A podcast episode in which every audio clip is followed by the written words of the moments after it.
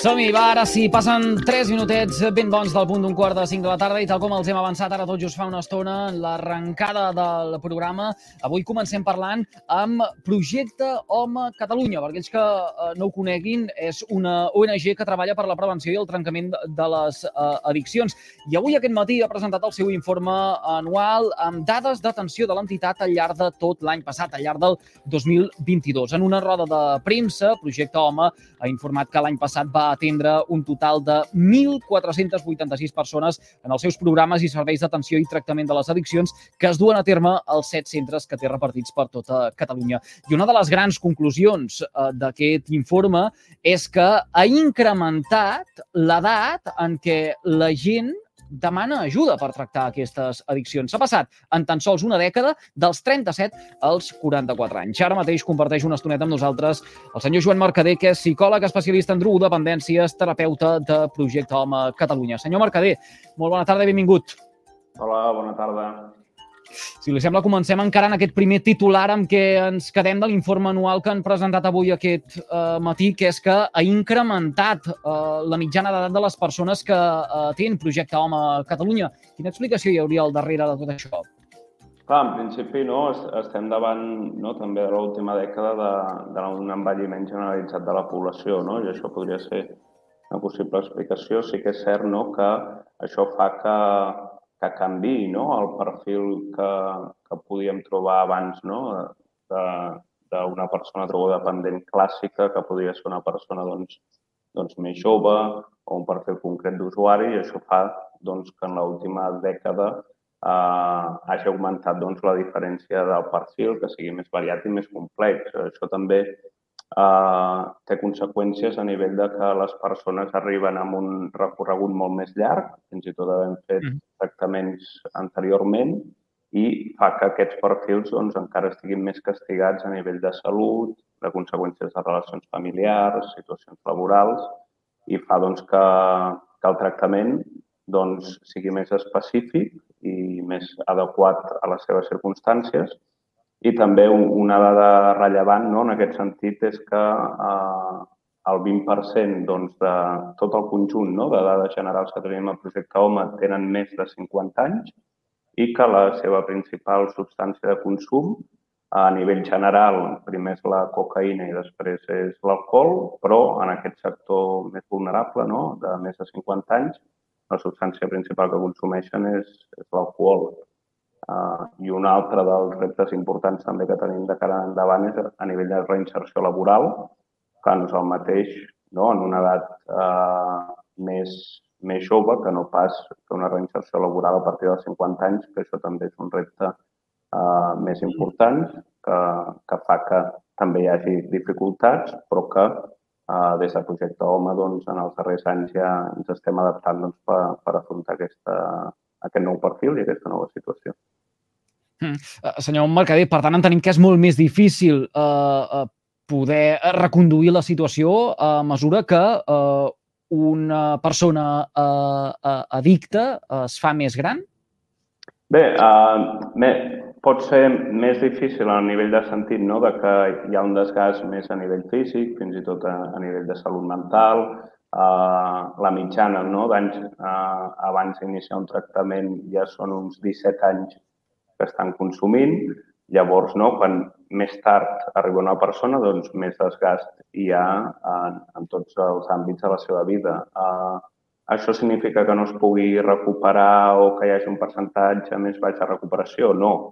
És a dir, simplement doncs, uh, s'ha de treballar més doncs, uh, aquestes dificultats, però uh, no significa que hi hagi una dificultat de recuperació. Hmm. projecte Home a Catalunya es va fundar l'any 1995 per uh, el tractament, la prevenció i la sensibilització de les uh, addiccions. Des d'aleshores ha atès a més de 25.000 persones a tot el uh, Principat. Uh, es podia imaginar uh, fa això 25, uh, 30 anys que uh, la situació aniria per aquest camí? Clar, és, el, diguem que ha canviat molt, no? És a dir, eh, potser quan, quan es va començar fa 25 anys, no? La, la substància principal, no? Hi, hi havia molt més presència no? dels, dels perfils dels anys 80, fins i tot no? 90, de substàncies com no? hi havia en aquelles en aquella època l'heroïna, després la cocaïna, l'alcohol, eh, i el perfil durant tots aquests més de 25 anys eh, i el nivell de consum doncs, ha canviat totalment. No? Fins i tot avui estem parlant no, d'addiccions comportamentals no? a través de pantalles, que, el 95 això doncs, encara no existia. No? Llavors, eh, nosaltres el que estem fent, al, al final l'objectiu no, o, o l'origen és, és promoure la dignitat i l'autonomia de les persones no? a través de la prevenció i el tractament de les addiccions i, i tant de bo no? nosaltres com a ONG eh, no existíssim, perquè això, eh, això eh, el que ens vindria a indicar és que eh, no hi ha problemes a nivell d'addiccions, però mentre hi hagi doncs, eh, eh, aquest consum de substàncies que, que més o menys no? eh, en dècades, doncs, per exemple, la cocaïna, no? l'última dècada sí que s'ha mantingut estable com a primera substància de consum i l'alcohol com a segona, eh, nosaltres sí que ens hem d'anar actualitzant i renovant els nous reptes, no? que a vegades hi ha crisis econòmiques i fan doncs, que, que aquestes situacions a vegades doncs, eh, s'incrementin. Uh, ara, uh, ara desgranarem uh, algunes de les informacions que ens acaba de revelar. Eh? Parlarem també de pantalles, parlarem també de, del públic jove. En tot cas, uh, permeti'm que li pregunti per uh, l'alcohol. El fet que sigui una substància um, pràcticament eh, normalitzada en el seu consum en el dia a dia de molta gent, fa més perillós mm. el que eh, succeeixi en aquest eh, consum o en aquest hàbit social eh, mm. en què ha esdevingut? Bé, al, al, al final l'alcohol, no, la nostra societat o cultura està molt relacionat amb, amb fins i tot amb certes festivitats, no? És a dir, cap d'any, aniversaris, eh, Sant Joan, no? I, i, i fins i tot no, l'estiu, no? El, la, la manera no? de, de fins i tot no? vendre en aquest sentit l'alcohol no? sempre és relacionat amb l'oci no? i, i d'una forma positiva. Uh, és cert no? que l'alcohol està molt normalitzat i hi ha molta tolerància en aquest sentit, sí, també és cert no? que uh, si, si es desenvolupa un ús problemàtic o fins i tot una, una addicció a l'alcohol, sí que és cert doncs, que a l'estar a l'abast, no? i fins i tot que s'anunciï a nivell publicitari, doncs, fa que sigui més dificultós que potser altres substàncies que no estan tan a l'abast. Igualment, nosaltres, més enllà eh, de, de substàncies, el que treballem és el, la conducta addictiva. És a dir, perquè tu, per exemple, pots treballar no? que deixessin de consumir alcohol, però desenvolupar una addicció doncs, a una altra substància, com pot ser el cannabis o fins i tot la cocaïna o, o addiccions comportamentals. Per tant, nosaltres, més enllà de la substància, el que treballem és aquesta conducta addictiva o, aquesta, o aquest ús compulsiu eh, que al final no, el consum ho diem moltes vegades, no? No, no nosaltres treballem només que deixin de consumir, sinó que, que hi ha darrere d'aquest consum, no? perquè al final el consum és la part visible però quan mm. rasquem una mica, no, a la punta de l'iceberg, que es pot dir, al darrere doncs, hi ha situacions multiproblemàtiques a nivell de situacions familiars, a nivell d'àrea personal, a nivell de situacions acadèmiques o laborals, de valors, de gestió emocional. Llavors, diguem que parar el consum és el nostre primer objectiu, però després hi ha d'haver canvis en tots aquests àmbits doncs, perquè no hi hagi una possible recaiguda a mig o llarg termini, perquè al final l'addicció és, és al llarg de tota la vida. Senyor Mercader, en aquesta edat adulta a la que estem fent referència a ara, eh, llegia avui aquest migdia en un comunicat que ha més des de Projecte Home, després de la eh, presentació de l'informe anual, que ha incrementat el percentatge de dones addictes en comparació amb anys enrere. Mm -hmm. Bé, el, el que estem veient eh, ja, ja en les últimes, diguem, memòries que hem anat presentant, no? és, és que hi ha diferències a nivell de gènere. És a dir, per exemple, no? si en dades generals no? El, la primera substància que es consumeix és la cocaïna en homes, en canvi en dones és, és l'alcohol. Uh, per exemple, no? si els homes accedeixen, si la mitjana són els 44 anys, els homes solen accedir, no? si ho fem per diferència de gènere, als 43 i les dones als 46 a nivell de patologia dual, no? que significa que a part de l'addicció doncs, tens un, un diagnòstic a nivell psiquiàtric.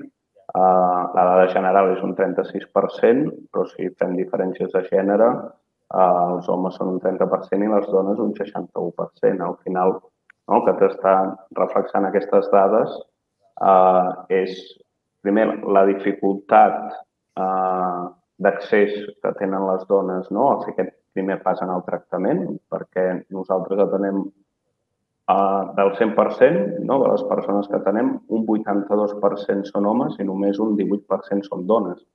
Per tant, hi ha una dificultat d'accés en el tractament per qüestions de càrregues familiars, estigma social, fins i tot no? consum d'alcohol, és un consum més solitari a casa, més invisibilitzat.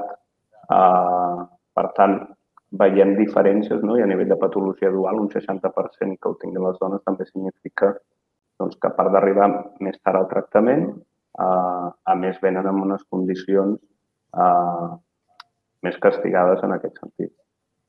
Uh, en aquest comunicat al que feia referència ara tot just fa uh, un momentet, a mi m'ha cridat molt uh, l'atenció una cosa que ara llegiré textualment. Mm-hmm. El temps de consum problemàtic abans d'iniciar el tractament és de 17 anys, de 17,3 anys.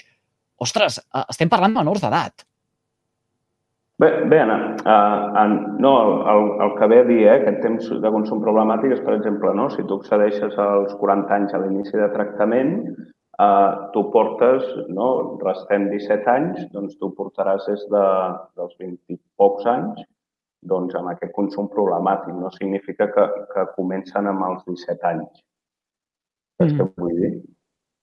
Ha quedat, ha quedat clar, ha quedat clar. He fet jo una lectura eh, que no era correcta d'aquesta informació. En tot cas, és, és, un, és una xifra que eh, és una dada que crida molt la, que crida molt l'atenció. Eh, sí, sí. 17 anys abans de sol·licitar aquesta ajuda. Clar, clar és, no, es, estan durant molts anys, no?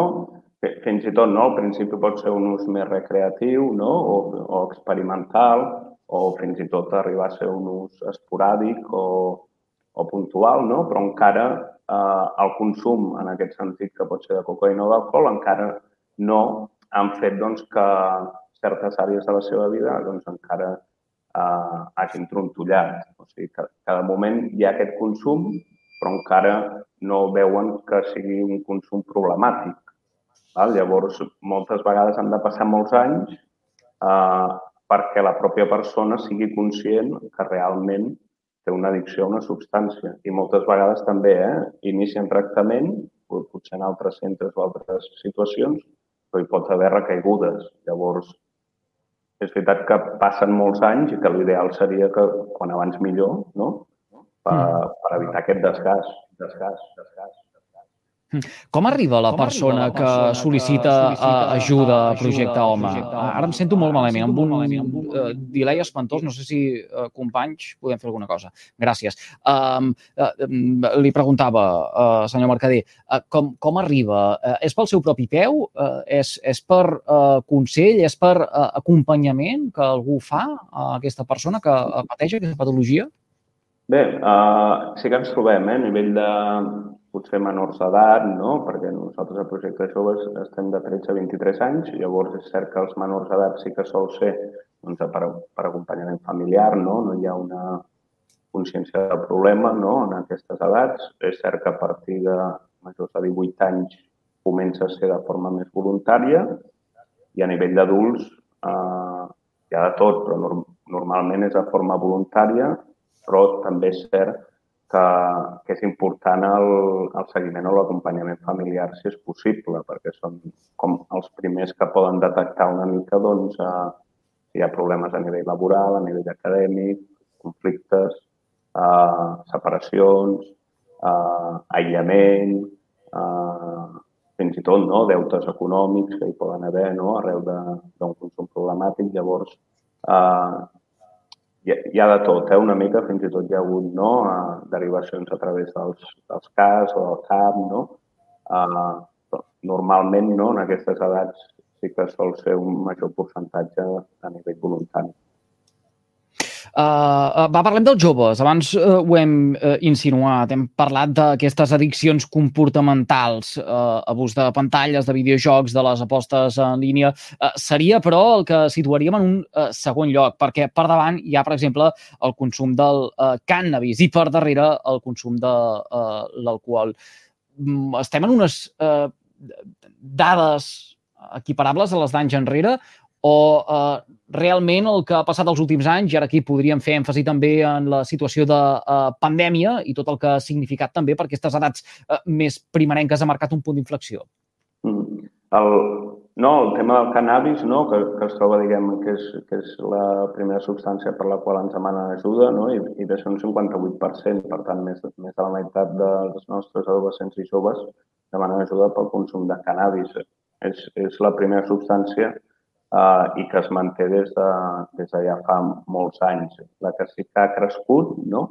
i que ocupa un segon lloc són aquestes addiccions comportamentals, com pot ser l'ús problemàtic de pantalles, que sí que és cert no? que en els darrers anys doncs, ha passat d'un 4%, l'any passat va ser un 13% i aquest any doncs, arriba gairebé un 21%, que és un, un de cada cinc joves que ve, que ve aquí projecte jove. I la tercera substància ja és l'alcohol, no? amb, amb un 10%. Llavors, eh, nosaltres sí que el que hem vist, no? com que comentaves el tema de la pandèmia, no? si havia pogut ser conseqüència, el que potser sí que hem pogut ser ser més conscients a nivell familiar o, o potser s'ha pogut, pogut visualitzar no? el, el problema que hi pot haver amb les pantalles. Uh, si nosaltres no fem com a, agafem com a referència l'Estudes, no? que és una enquesta que es fa a nivell no? de, de tot l'estat espanyol a joves estudiants de 14 a 18 anys, l'última va ser el 2021, es veu també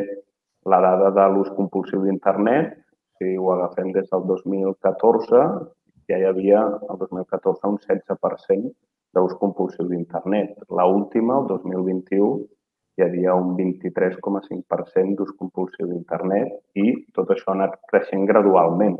Per tant, més enllà no, de, de no podem dir no, que sigui una conseqüència de la pandèmia, sí que podem dir que a causa de la pandèmia potser hi ha hagut més consciència o ha fet que es visualitzi més aquest ús compulsiu de pantalles o d'internet a través dels videojocs en menors d'edat o a través de, de les apostes esportives online que ens hem trobat amb, amb majors d'edat i ha sigut una crescuda de forma gradual. Uh, I aquí Projecte Home doncs, també ho estem detectant i, i el que fem és treballar més enllà de l'abstinència que podem treballar a nivell de substàncies, el que treballem en aquests casos és que aprenguin a fer un bon ús de, de les pantalles.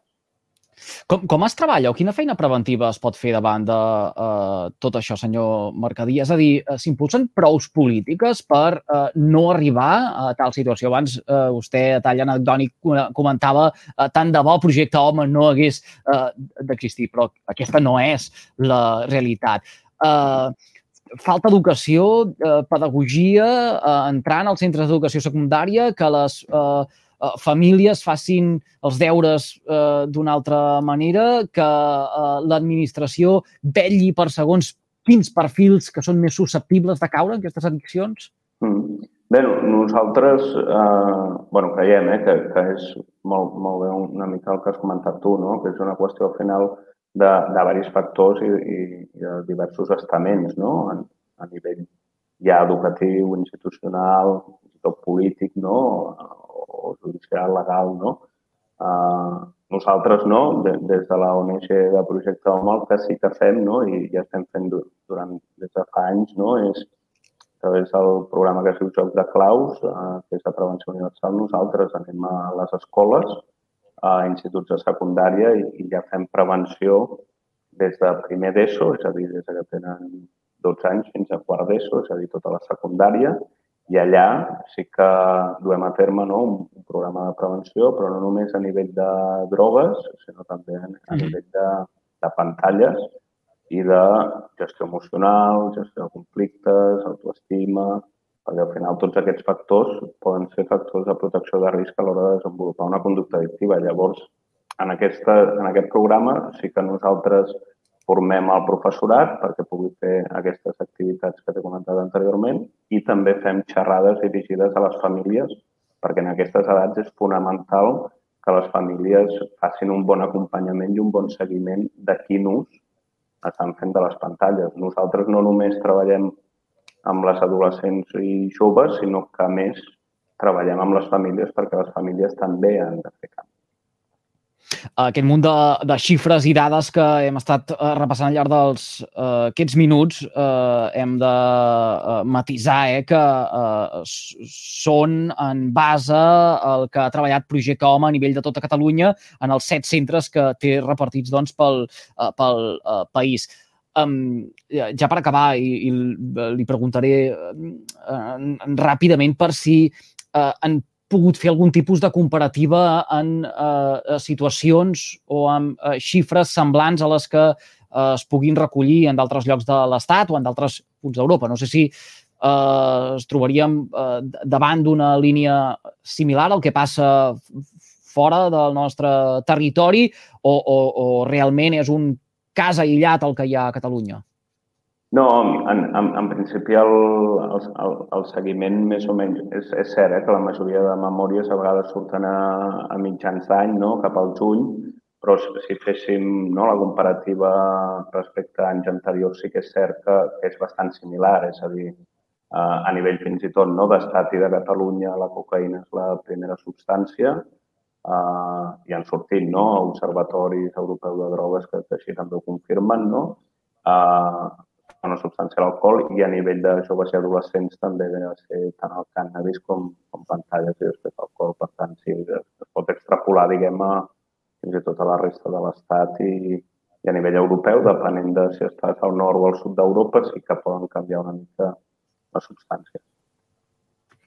Li agraïm moltíssim, Joan Mercader, psicòleg, especialista en drogodependències, terapeuta Projecte Home a Catalunya, que hagi fet confiança al carrer major de les emissores de la xarxa al Camp de Tarragona. Ha sigut un plaer.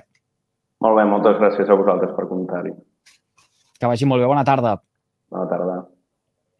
5 minuts i arribem al punt de 3 quarts de 5 de la tarda. Són dades a nivell de país, són dades a nivell de Catalunya. Quan sigui el moment, eh, posarem el focus en el camp de Tarragona. Ja explicarem eh, quines són les dades precisament de la nostra eh, demarcació. En tot cas, avui hem cregut oportú de eh, parlar amb el